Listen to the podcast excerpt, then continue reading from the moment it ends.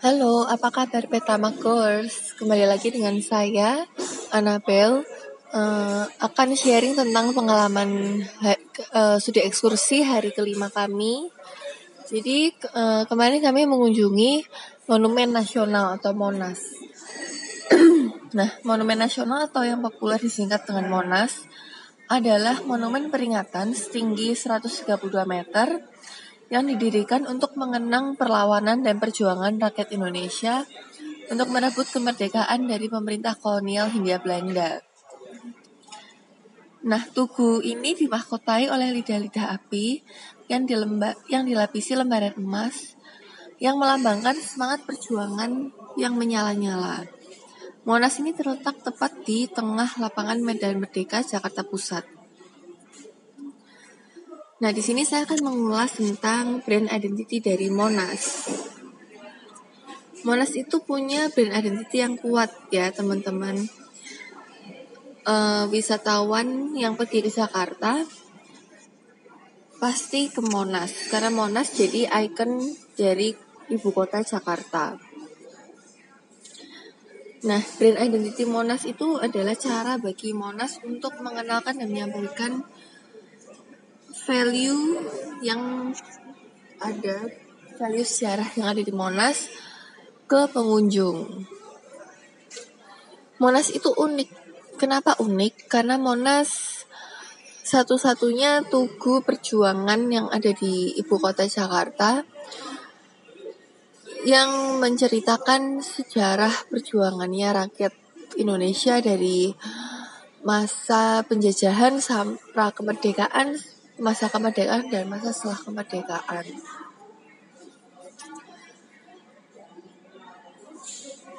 Nah, pesan-pesan apa sih yang mau disampaikan dari Monas kepada pengunjung? Uh, Monas itu ingin para pengunjung punya semangat jiwa nasionalisme dan patriotisme, punya semangat untuk membela negara, untuk cinta tanah air, dan untuk menghormati jasa para pahlawan. Kemudian elemen-elemen brand identity apa aja yang ada di Tugu Monas. Yang pertama itu elemen fisik. Elemen ini paling mudah dikenali karena mengacu pada aspek fisik seperti logo Monas, warna, lalu bentuk bangunan Monas yang memang sangat khas yaitu tugu yang di atasnya uh, ada api lembaran emas yang bentuknya seperti api melambangkan semangat perjuangan rakyat yang menyala-nyala. Kemudian yang kedua itu personality. Personality mengacu pada karakter dari Monas dan cara mereka untuk berkomunikasi dengan pengunjung. Kalau dilihat dari segi personality, maka Monas ini punya uh, personality yang cinta tanah air, menghargai jasa para pahlawan, uh, patriotik dan nasionalis. Kemudian dari elemen relationship. Jadi elemen ini mengacu pada bentuk hubungan antara orang-orang yang ingin disimbolkan oleh brand tersebut. Untuk Monas, jenis hubungan yang ingin dibagi adalah hubungan lintas batas sampai dipengaruhi oleh usia, warna kulit, hobi, dan pekerjaan.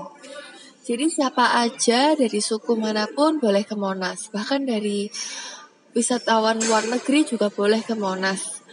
Dan Monas itu tour guide-nya tuh uh, benar-benar memahami sejarah dan bisa menyampaikannya ke kita dengan baik dengan menggunakan bahasa Indonesia yang baik dan mudah dimengerti. Kemudian yang keempat itu elemen culture. Elemen ini mengacu pada prinsip dasar yang menjadi fondasi perilaku sebuah brand. Dalam kasus Monas, hal ini berupa ya berupa culture berupa culture saling menghargai, saling berbagi, bersosialisasi, um, dan cinta sejarah. Yang kelima adalah reflection. Elemen reflection ini adalah adalah um, target utama dari brand tersebut. Nah, misalnya saja kalau Monas berarti targetnya tuh uh, para nasionalis, uh, generasi milenial yang peduli dan tertarik dengan sejarah bangsanya. Nah, manfaatnya apa aja sih punya brand identity? Kenapa Monas ini harus punya brand identity? Yang pertama itu distribusi. Jika perusahaan punya brand yang kuat di pasaran, maka pengunjung akan lebih Nah, dengan mempunyai brand identity yang kuat, Monas itu bisa jadi destinasi utama pariwisata di Jakarta bagi wisatawan mancanegara maupun wisatawan lokal.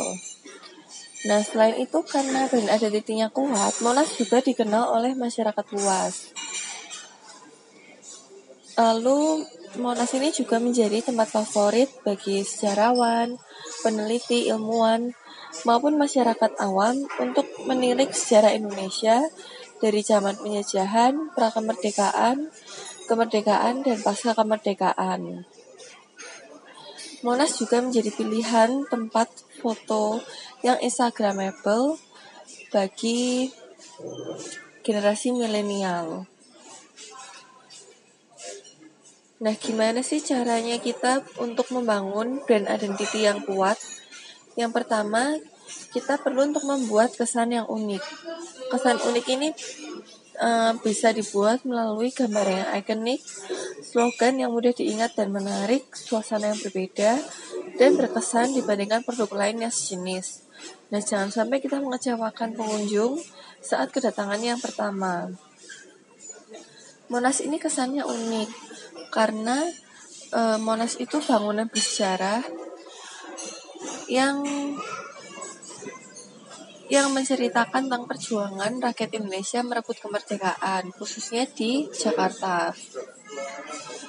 Tugu ini diperingati untuk uh, mengenang jasa para pahlawan.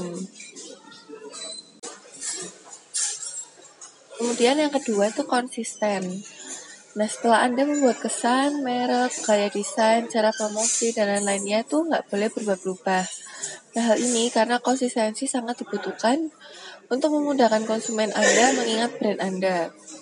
Kalau perusahaannya nggak konsisten atau sering mengubah gaya atau ciri khas produk, maka uh, pengunjung ini bakal sulit ingat, bahkan mungkin merasa merasa, merasa bingung dan aneh.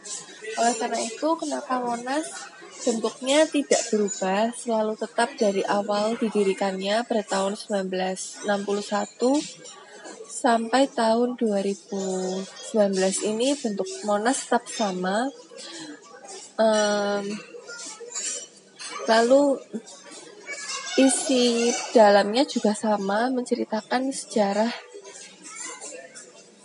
perjuangan rakyat Indonesia.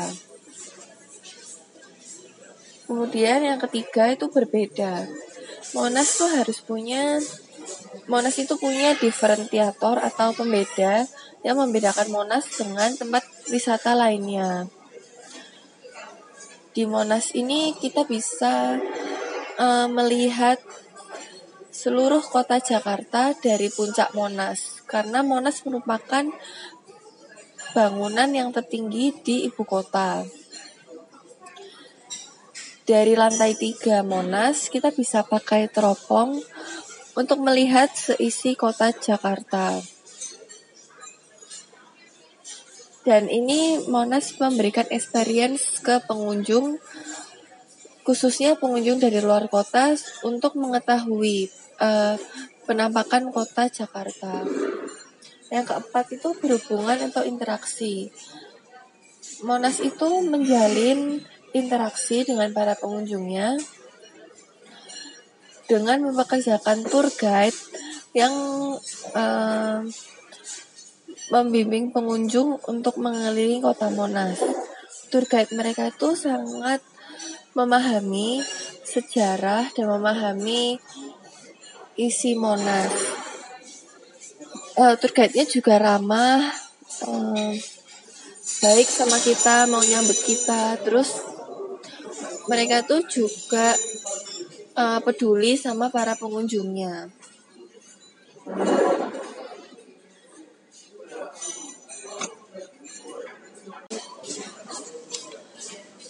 Habis dari Monas terus kita pergi ke dunia fantasi. Nah dunia fantasi ini seru banget teman-teman. Uh, merupakan salah satu bentuk entertainment marketing yang terkenal di Jakarta. Dunia fantasi ini menjual experience untuk para pengunjungnya. Kita bisa main berbagai permainan yang seru di dunia fantasi seperti main arung jeram, uh, main komedi putar, main roller coaster, main jet coaster, lalu mengunjungi Ice Age. Jadi Ice Age itu uh, wahana tempat permainan di mana kita bisa melihat terus di sana kita juga bisa masuk ke suatu tempat namanya tuh namanya apalin kemarin misteri misteri room. Mm. Jadi tempatnya tuh kayak auditorium bioskop gitu yang kursinya tuh bisa koyang-koyang terus kita bisa lihat uh, layar layarnya tuh uh, tiga dimensi. Jadi kita bisa ngerasain pergerakan dari filmnya itu sambil diguncang-guncang di kursinya. Seru sih teman-teman, juga lucu juga. Uh, terus di dunia fantasi itu pemandangannya bagus. Uh, ada spot-spot yang menarik untuk dijadikan tempat foto. Jadi spot-spotnya itu instagramable banget. Contohnya tuh ada pemandangan sungai sama ada ada biang lalanya. Jadi biang lalanya tuh muter-muter di dekatnya sungai. Jadi kita bisa foto di situ. Terus di dekat Yoshinoya itu juga ada uh, tempat yang di atasnya tuh dihiasi payung-payung.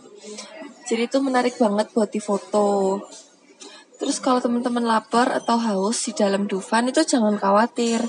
Karena di dalam Dufan itu ada banyak restoran. Contohnya ada Yoshinoya, terus ada bakso sapi Afung. Um, terus ada kafe-kafe juga. Untuk minumannya tuh juga ada uh, kayak mesin-mesin yang jual minuman gitu. Jadi kita tinggal insert money ke dalamnya jadi kita bisa pilih mau minum minuman apa. Terus ada tempat es krim juga. Es krim gelato. Nah untuk toiletnya itu juga lumayan bersih tapi karena kemarin rame banget jadi toiletnya itu cukup antri panjang. Jadi teman-teman kalau mau nggak antri panjang buat nikmati wahananya teman-teman bisa berkunjung di hari Senin sampai Kamis.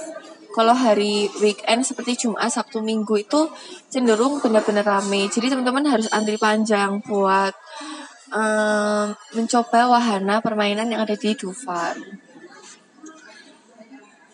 Tapi so far kita happy banget bisa pergi ke Dufan, bisa um, mengalami experience baru yang ditawarkan oleh Dufan menikmati entertainment yang ada di Dufan, hiburan-hiburan.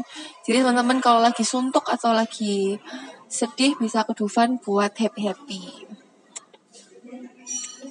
Nah setelah dari Dufan itu kita lanjut ke Peak Avenue. Peak Avenue itu ada di Pantai Indah Kapuk, Jakarta Utara. Nah di Peak Avenue ini banyak restoran-restoran yang hype. Yang kekinian, yang instagramable, Terus mereka tuh rata-rata punya brand identity yang sangat kuat. Contohnya tuh ada Nam Thai Cafe and Resto. Jadi restoran khas Thailand yang desain interiornya tuh Thailand banget deh, bener-bener Thailand banget. Ada patung-patung Thailandnya. Terus ada uh, makan menu makanannya tuh menu-menu Thailand yang dimasak sama koki dari Thailand juga.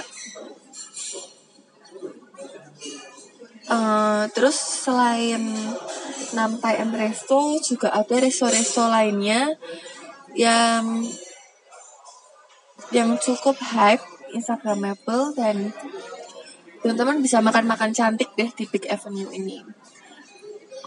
Kalau di lantai paling atas itu juga ada food court sama ada restoran-restoran Jepang kayak Donburi Ichiya, terus ada Baiku Teh juga. Nah kemarin kita sempat nyobain di Nagia, Res Nagia Resto.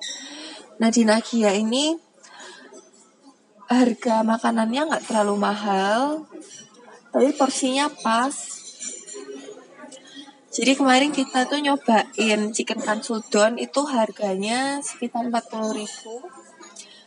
Itu chicken katsunya beda sama chicken katsu biasanya. Jadi chicken katsunya itu dagingnya benar-benar tebel, terus tepungnya tuh enak, terus telurnya tuh juga dimasak kayak omelet gitu. Jadi enak banget teman-teman kalau mau ke sana tapi uh, makan makanan yang sesuai sama dompet kita. Jadi sekian dulu teman-teman sharing aku kali ini. Semoga apa yang aku sharingkan ini bisa bermanfaat untuk kalian semua. Um, sekian dulu ya, dadah.